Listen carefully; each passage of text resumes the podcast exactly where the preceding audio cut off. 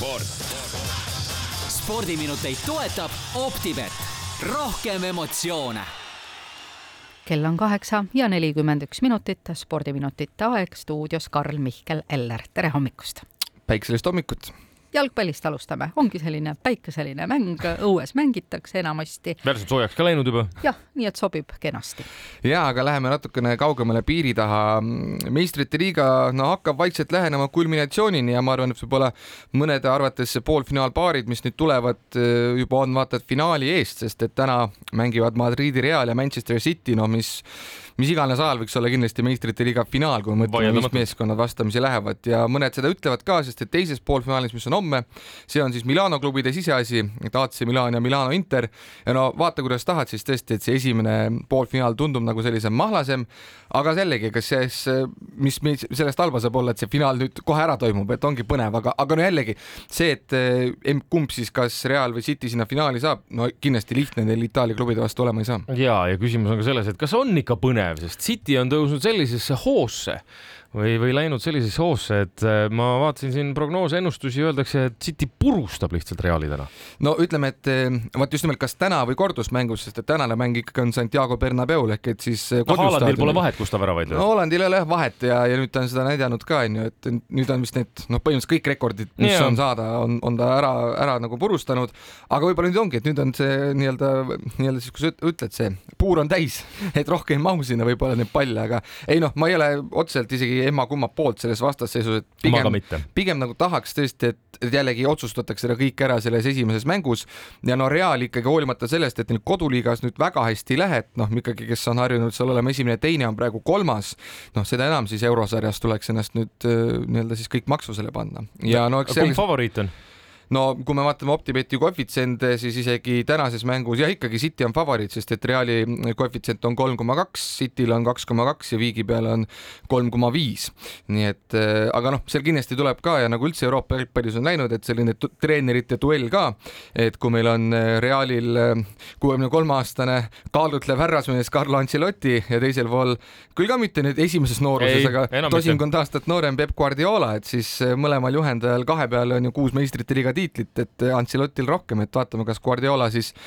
suudab, äh, noh, jällegi praegu on ju poolfinaal alles yeah., kõigepealt jõuame finaali, aga korra veel lihtsalt poole sõnaga sellest äh, homsest poolfinaalist ka nagu öeldud, Itaalia ja isegi, et Milano siseasi, siis AC Milani koefitsient Optibetis kolm koma üks, Interil kaks koma neli ja viigi peale kolm koma üks, nii et ka tegelikult suhteliselt tasavägisi need kõik tulemas on ja, ja no ma ütlen, mina ikka loodan, et vähemalt nüüd äkki sellel nädalal kõik ära ei otsusta, et keegi kuskil kolm-null ette ei lähe, et ikkagi võiks mingisugune nüanss jääda meil kord kordusmängudesse ka. ma meenutan muidugi seda kunagist, kui äh, Barcelona oli kolm-null ees Liverpoolist ja kui siis tuldi Anfieldile ja neli-kolm võitis lõpuks Liverpool.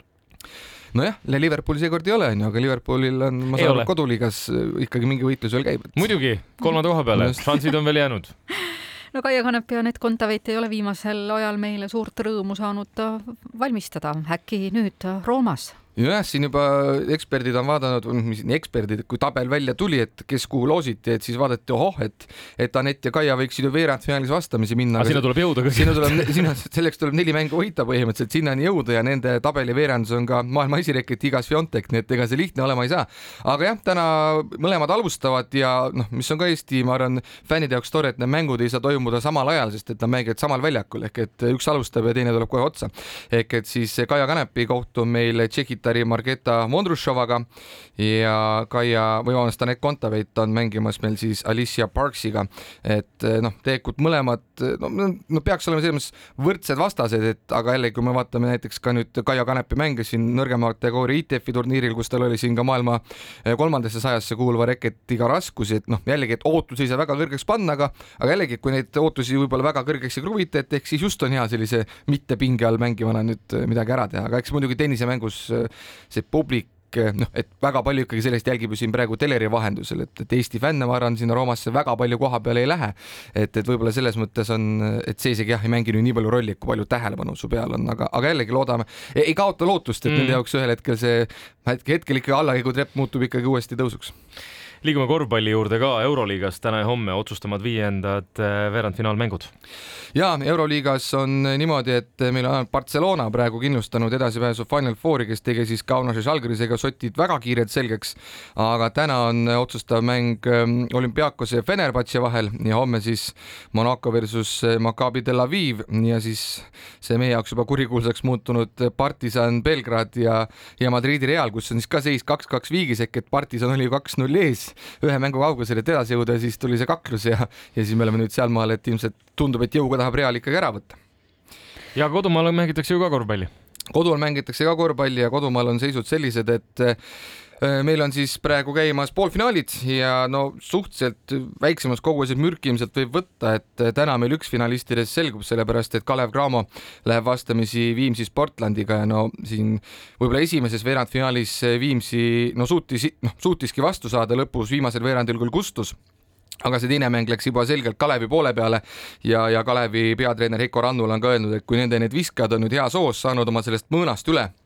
siis, siis noh, Eestis on väga raske neil kellelegi vastu saada ja, ja usutavasti nüüd eh, kolmandas mängus Kalev Cramo võtab eh, Viimsi ära, jällegi loodame, et siin midagi, midagi võiks teistmoodi minna, Optibeti koefitsient selline, et Kalevil üks koma null viis ja Viimsi jaoks seitse koma kakskümmend viis, nii et see räägib ka enda eest. aga eile oli teine mm, põnev paar meil ka, seal on siis Tartu Ülikool Max ja Moorits vastamisi ja Pärnu Sadam ja eile võitis siis ühe punktiga kodusaalis Taaralinna klubi seitsekümmend kaks, seitsekümmend üks. võidukorv visati kaks sekundit enne enne lõppu. et seal meil on noh, loodame nüüd, et Pärnu ka neil mahlak ikka otsas ei ole, et suudetakse nüüd kodusaalis ehk ikkagi jälle viigistada ja siis me näeksime jälle seda otsustavat äh, seeria mängu, aga, aga siin on huvitav ka siin äh, üks video lööb ka ringi, kus Pärnu peatreener Gert Kullamäe platsi ääres äh, kappab niimoodi ringi, et juba on öeldud ka, et ta on nagu kuues mees kaitses, et ta vehib seal platsi kõrval nii, nii laia käehaardega, et võib-olla ongi mõnel, mõnel tartlasel raske korvi visata, et seal on nagu, kui ütled, et kodusaalis mängida, et ta kuues mees on abiks, siis võib öelda, et neil on juba seitsmes mees ka väljakul abiks.